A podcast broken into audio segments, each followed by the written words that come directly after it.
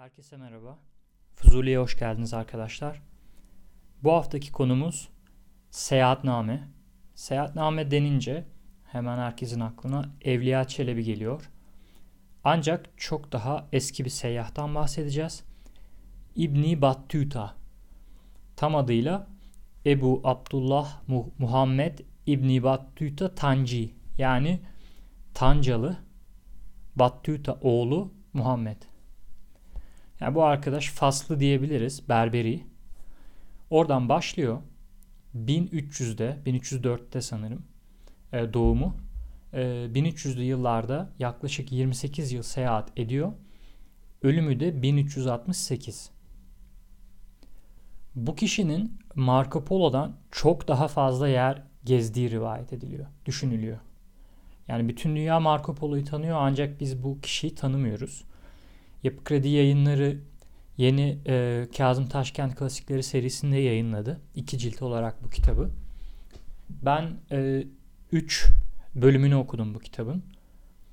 Yaklaşık 40-50 sayfalık bir bölümünü. İlk önce e, Anadolu kısımları ilgimi çektiği için size bu programda onlardan bahsedeceğim. Şimdi e, Fas taraflarından başlayıp o kıyılardan e, Libya, daha sonra işte Mısır, Arabistan, Mekke, Medine. Sonra e, deniz yoluyla Alanya'dan Türkiye'ye giriş yapıyor. Türkiye gezileri var. Sonrasında Sinop'tan Kırım'a geçiyor. O dönemde Altın Ordu Devleti'nin hakimiyetindeki topraklara. Sonra Balkanlar üstünden İstanbul'a giriş yapıyor. O dönemdeki ismi İbn Battuta'nın tabiriyle Kustantiniye diyor. Yani Konstantinopol'e İstanbul'a giriş yapıyor. Bizans döneminde. Ben size bu bölümlerden aldığım notları aktarmaya çalışacağım. Çok ilgimi çektiği için. Çünkü e, 1300'lerdeki Türk kültürüne dair çok az şey biliyoruz. E, inanılmaz enteresan şeyler var. Çok eğlenceli. Yani o dönemdeki bazı gelenek göreneklerin, yeme içmenin, konuşmanın, tavırların, davranışların bazılarının bugüne çok etkisi olduğunu görüyoruz. Ee, ve hatta birçoğunun e, bugünkü halimizden daha modern olduğunu gözlemledim ben. Şimdi başlarsak Alanya'dan girişiyle. Ahilikten bahsediyor girer girmez. Ahilik ve misafirperverlik ahiler karşılıyor. Kitapta bunu hep ahı deniyor. Ahılık deniyor. A, aga, akı bu kelimelerden türediğini söylüyor ee, çevirmenimiz. Çevirmen akademisyen. Ve İbni Battuta da zaten ahılığı sanatının ve zanaatının erbabını toplayan, ayrıca işi olmayan genç bekarları da bir araya getiren adam olarak tanımlıyor. Yani aslında ah tabirine daha uygun. Ahı tabirinin doğru olduğunu söylüyor. Çünkü ahi e, kardeş demekmiş. Böyle eski dönemde e, bu şekilde çevrilmiş. Bir şekilde fonetik benzerliklerden ötürü sanırım Arapça kelimeleri. E, ben de ahı diye devam edeceğim. E, ahi olarak düşünebilirsiniz bunu. Gittiği her yerde işte Alanya, Burdur'a gidiyor, Eğirdir'e gidiyor, İzmir, Manisa buralarda hep onu ahılar karşılıyor. Tekkede misafir ediliyor. En az 3 gün misafir ediliyor. Akşamları türkü ve raks var. Raks ediliyor. E, halılar, kilimler, avizeler bu teknede, tekkede e, çok güzel diyor. Şaşalı, çok temiz, güzel diyor. Kasabalardan, şehirlerden çıkarken hep giydiriliyor kendisi. Ona at veriliyor erzak veriliyor. Ee, buna en çok buna değiniyor. Gözlemi bu Anadolu'daki ilk zamanlarına dair. Hatta işte bir yerde iki gün kalıp yoluna devam etmek istiyor. Onu engelliyorlar. Yani üç gün kalman lazım. Yoksa iki günde gidersen bizim itibarımız zedelenir diyor oradaki ahı. Yani hani sanki bizim e, ağırlamamızı beğenmedin de erken gidiyorsun gibi algılanır halk tarafından bizi üzersin diyor. O da çok etkileniyor bundan. İbn Battuta bunu yazıyor. Yani Türkler inanılmaz misafirperver ve nazikler diyor. E, Gölhisar'dan, Denizli'den geçiyor. Buralar tabii ki o dönem e, çoğunlukla Rum. Artık Müslümanlar yerleşmiş. E, beylikler var. Germiyanoğulları var oralarda. E, sonradan gezdiği taraflarda Karamanoğulları var. İznik'te Orhan Bey ile tanışıyor. Ona geleceğim. Osmanlı Devleti ile tanışması var Osmanlı Beyliği ile. Ama tabii ki bin yıldır Bizans e, Batı Anadolu'da bulunduğu için 400'den 400'lerden 1453'e kadar e, nüfusun büyük bir çoğunluğu hala Rum. E, onlarla ilgili çeşitli gözlemleri var. Mesela diyor ki Rum kadınları erkeklerle hamamlarda eğleniyor diyor. Kendisi de e, Kuzey Afrika'dan geldiği için Berberi olmasına rağmen yine Arap ve Müslüman kültürden geliyor sonuçta. Kendisi de bir Müslüman. Bunlar ona çok enteresan geliyor. Ee, bir başka gözlemi aktaralım. Mesela bayram gözlemi var. Bugün bazı arkadaşlar da merak ediyor olabilirler. Kurban mezarlıkta kesiliyor. Bunu direkt İbn-i Battuta aktarıyor. Sonra namaz, sonra da yemek var. Aslında bu adet günümüze kadar gelmiş. Ee, biraz değişerek. Bizde de öyle. Ee, köyde, ben Tekirdağ'da her bayram köye gitmeye çalışıyorum her yıl. İki bayram olmasa da bir bayram. Önce camide namaz kılınıyor. Sonra mezarlığa gidiliyor. Sonra köy kahvesinde bir yemek yeniliyor. Orada birisi bir hayırsever e, peynir, zeytin, ekmek, bal e, sunarak bütün köylülere bir kahvaltı veriyor. Sonra da insanlar kurbanını kesmeye gidiyor. Yani bu 1300'lerden beri böyleymiş. Belki de daha eskiden beri. Bunu anlayabiliyoruz buradan. Konya'da Celaliye tarikatı ile karşılaşması var. Mevlana'nın müritleriyle. Konya'da işte Mevlana'yı çok seviyorlar diyor. Mevlana'dan bahsediyor. Mesnevi cumaları tekke ve dergahlarda okunuyormuş. Erzurum'a geçişi var. Erzurum'da kalıyor bir süre. Sonra tekrar geri Erzurum'dan Batı Anadolu'ya dönüyor. İzmir taraflarından Bursa'ya geçiyor. İşte Bursa'da da Orhan Bey ile karşılaşıyor. Urhan Bek diye yazmış orada ismini. Yüze yakın kalesi var kendisinin diyor. Türkmen Türkmen hükümdarlarının en büyüğü diye not almış kendisinden Orhan Bey'den öyle bahsediyor. Sürekli kafirlerle savaşır diyor. Babası da e, Bursa'yı Rumların elinden aldı diyor. Osman Bey'den bahsediyor. Osmanlı'nın kuruluşundan. Kestane bol ve ucuz diyor İznik için. Yani aslında bu Bursa için de geçerli. Benim çok ilgimi çekti. Hakikaten mesela bakıyoruz şu anda Bursa yine kestanesiyle ünlü. Yani ben kestanenin e, 700 yıllık bir adet olduğunu bilmiyordum yani kestanenin ve türevleri baya baya 700 yıllık bir şey yani. Bursa bunun çok daha fazla reklamını yapabilir. En az 700 yıllık diyelim hatta. Belki daha fazla farklı kaynaklar bulunursa. Kastamonu'ya geçiyor. Kastamonu çok ucuz diyor. Orada bir öyle bir gözlemi var. Burası müthiş ucuz diyor. Orada safran var hala o dönemde. Yine bakıyorsunuz bugün Safranbolu ismi oradan geliyor zaten. Bu gözlemlerini aktarıyor ve sonra Kırım'a geçiyor. Sinop üstünden. Kırım için e, Kıpçak diyor. Yani Kıpçak bozkırı. Kıpçak da bir Türk boyu. Ee, burada Altın Ordu Devleti var. Türkleşmiş bir e, Moğol devleti. Burada Türklerle ilgili çok güzel gözlemleri var. Türklerin yol töresinden bahsediyor. Nasıl seyahat ederler, seyahat kültürlerinden. Sabah namazından kuşluk vaktine kadar sonra dinlenip akşamda akşama kadar da tekrar devam edip akşamda konaklama. Yani sabahtan öğlene kuşluk öğleden önce demek. Sabahtan öğlene öğle iki tur seyahat ediyorlar bir günde. Atları salıyorlar gece. Bunlardan bahsediyor. Etkilenmiş mesela serbest bırakılıyor. Artı yem yemiyor atlar. Yani meralar o kadar yeşil ve verimli ki atları gece bırakıyorlar. Onlar Hayvanlar besleniyor, yemleniyor. Atlar serbest bırakılıyor çünkü hayvan çalana çok büyük cezalar var. Hayvanı çalan o hayvan artı 9 hayvan yani toplamda 10 katını iade ediyor. İade etmek zorunda. Edemezse çocuğu alınıyor.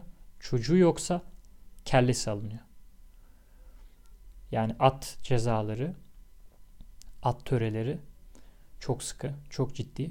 Dolayısıyla akşam herkes atlarını salabiliyor zaten. Nallarından da tanınabiliyor. Nallarına sanırım nal çakarken e, bir şekilde bir işaret sembol konulduğu için herkes kimin hayvanı hangisi biliyor. Ya da biliyorsunuz onlar bir sıcak mühürleniyor hayvanın e, üstüne de basabiliyorlar kızgın demirle. Bir mühür gibi sembol. Sonra e, devam ediyorlar ertesi gün. Yemeklerden bahsediyor. Mesela Türkler ekmek ve katı yiyecek yemezler diyor. Ya biz tam tersini biliyoruz şu an. Biz şu an baktığımız zaman her şeyimiz ekmek. Halbuki aslında belki de bizim özümüz bu değil yani. Her şeye her zaman inanmamak, güvenmemek lazım. Ekmek belki 200-300 yıllık bir adet olabilir. Tamam evet o da eski. Ama bizim daha öncesinde de köklerimiz var. Ee, bunları da okumak, araştırmak lazım. Düki yerler diyor. Düki'den kastı bulgur. Bulgur pilavı. Varsa içine et lime lime ediliyor. En sonunda tabağa yoğurt döküyorlar. Yemekten sonra da kımız veya şıra içiliyor. İbn Battuta'nın gözlemleri bunlar. Bakıyorsunuz bugün bulgur pilavı ve yoğurt yine çok önemli bizim için. Ayrıca çok besleyici arkadaşlar. Protein oranı mesela bulgurun pirinç ve mısıra göre daha fazla. Yani safi şeker değil. Bitkisel proteinleri alabileceğiniz nispeten daha sağlıklı bir besin pirinç ve mısıra göre. Sonra e, Türklerden iyi karakterli, kuvvetli ve cesur olarak bahsediyor. Onlarla birlikte at sürüyor. Kırım'dan Bizans'a kadar yani o Bulgaristan taraflarından falan Ukrayna ve Bulgaristan üstünden geliyor İstanbul'a. Tatlı yemek onların nezdinde ayıp karşılanır diyor. Bu da çok enteresan. Muhtemelen onlara bir Fas berberi Arap tatlısı yapıyor. Yani bu işte un helvası olabilir, irmik helvası olabilir. Belki de tahin helvası ikram ediyor ve yemiyorlar tatlıyı. Yine bu da çok ilginç. Yani şu an baksanız baklava vesaire işte Türkler ve tatlı direkt özdeşleştiriliyor hemen. Ama belki de bizim aslımızda tatlı yok yani. Erişteli ve sütlü bir çorbadan bahsediyor. Ee, bu da çok ilginç. Yani 700-800 yıldır bazı şeyler kaybolmuyor. Babaannem yaparmış benim. Ee, babam bahsederdi. Bu cümleyi okuyunca çok şaşırdım. Yani erişteli ve sütlü bir Türk çorbası bugüne kadar geliyor. Tekirdağ'da var.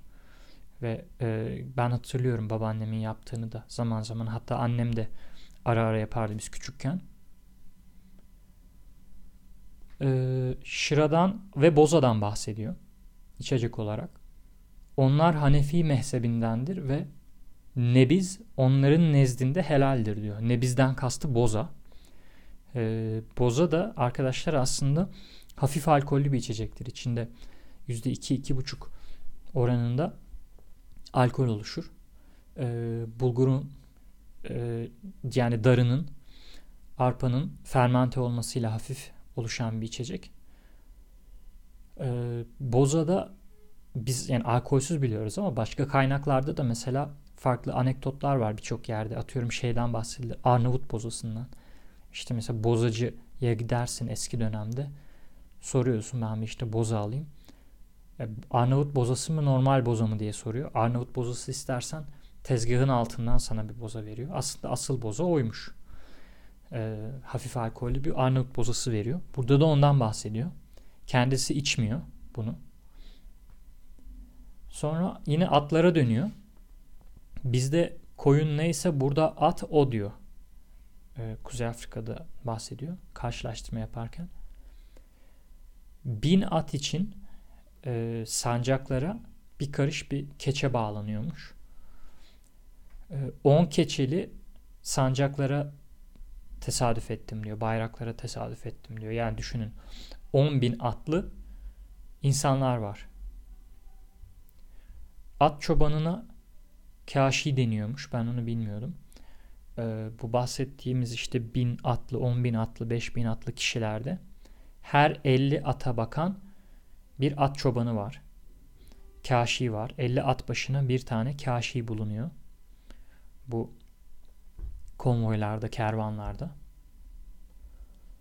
Ee, buradan sonra aldığım notlara bakıyorum. Yine çok önemli, çok sevdiğim bir cümle. Bu memlekette kadınlar erkeklerden üstün sayılıyor diyor. Yani Müslüman e, kültürden, e, Orta Doğu'dan, Kuzey Afrika'dan gelmiş bir adam Türkler için bu yorumu yapıyor. Türk kadınları yüzleri açık dolaşırlar diyor. Çok gurur verici. Yani 700 yıl önce biz kadınlara verdiğimiz değeri ispat etmiş bir milletiz, ispat etmiş bir kültürüz. Ama bir yandan da üzülüyorum. Ee, sanki 700 yıl öncesine göre daha geriyiz şu anda bu konularda. Yani bu konuya girmek istemiyorum ama çok üzücü. Ama bunu unutmayın arkadaşlar. Bizim aslımız bu. Türk olmak bu. Ee, ben de evliyim. Sevgiliniz vardır. Ondan sonra yine etrafınızda kız arkadaşlarınız vardır. Hepimizin annesi var, anneannesi var, ablası var, kız kardeşi var. Etrafınızdaki kadınların hepsine saygı duyun. Onları el üstünde tutun. Çünkü asıl Türklük bu görüyorsunuz. Yani adam 1300'de bunu söylemiş. Tekrar etmek istiyorum bu cümleyi. Bu memlekette kadınlar erkeklerden üstün sayılıyor. Erkekler kadınları el üstünde tutuyor diyor. Harika bir şey. Umarım e, bu kültüre döneriz. Kafamıza bir şeyler dank ederdi. Devam edelim. E, Uzbek Han'ın törenine katılıyor. O esnadaki Altın Ordu hükümdarı. Orada bayram sofrası var. Bayram sofrasında at ve koyun haşlama var. Etler kemikle beraber haşlanıyor. Ve şıra var. Şıradan bahsediyor. Üzüm şırasından, hurma şırasından da bahsediyordu sanırım. Sonrasında bu Altın Ordu'da bir Bizans gelini var. Beyelün Hatun. Beyelün Hatun çocuğunu doğurmak için İstanbul'a gidiyor. Hem de babasını görmek için. Hükümdarı. Sonra fırsat bu fırsat İbni Battuti Battuta izin istiyor. Ben de Kustantiniye'ye gidebilir miyim diyor. İzin çıkınca seviniyor ve yola çıkıyor. Daha sonra bu yolda e, şu anki Türkiye-Bulgaristan sınırına yakın bir yerde 5000 atlıyla kardeşi karşılıyor Bizans gelinini, Beyelün Hatun'u. Sonra Silivri tarafında 10.000 atlıyla diğer kardeşi karşılıyor onu. İstanbul'a giriş yapıyor. Ve dördüncü günde Tekfur'a çıkıyor. Tekfur kelimesi de burada benim için önemli. Tekirdağlıyım diye bahsetmiştim size. Tekfur Dağı aslında yani Tekirdağ, Tekfur Dağı ismini e, Bizans'tan alıyor. Yani isim olarak da belki bin yıllık bir şehir. Belki 400-500 yıllarından hesap etseniz 1500 yıla yakın bir şey var yani isminin geçmişi var.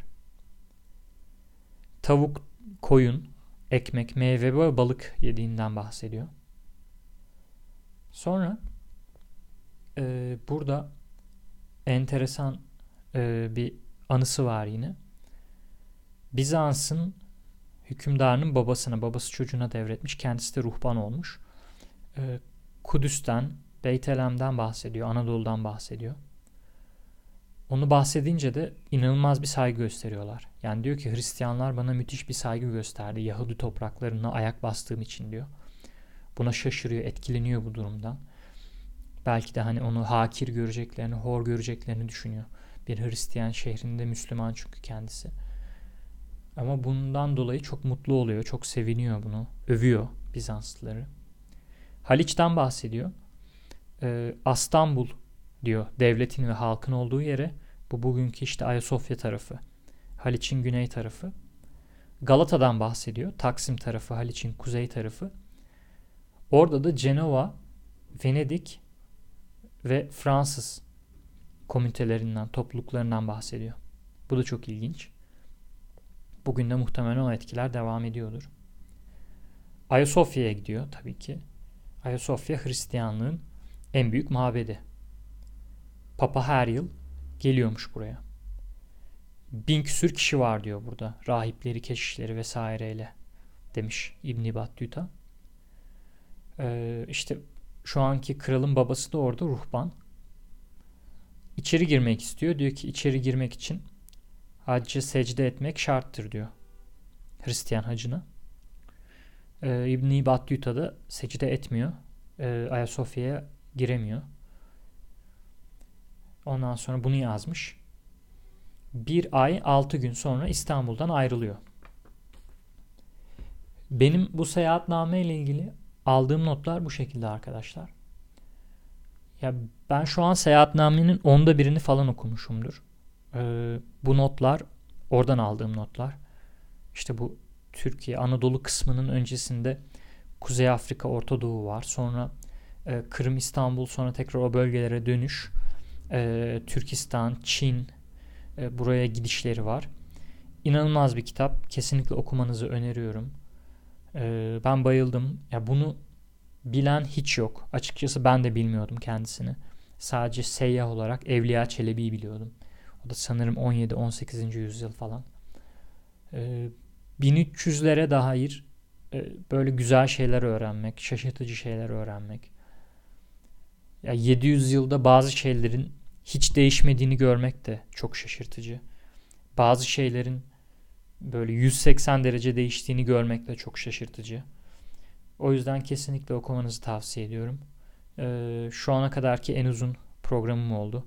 Kitabı ne kadar beğendiğimi oradan anlayabilirsiniz. 22 dakikayla bu programı kapatıyorum. Haftaya görüşmek üzere. Kendinize iyi bakın arkadaşlar.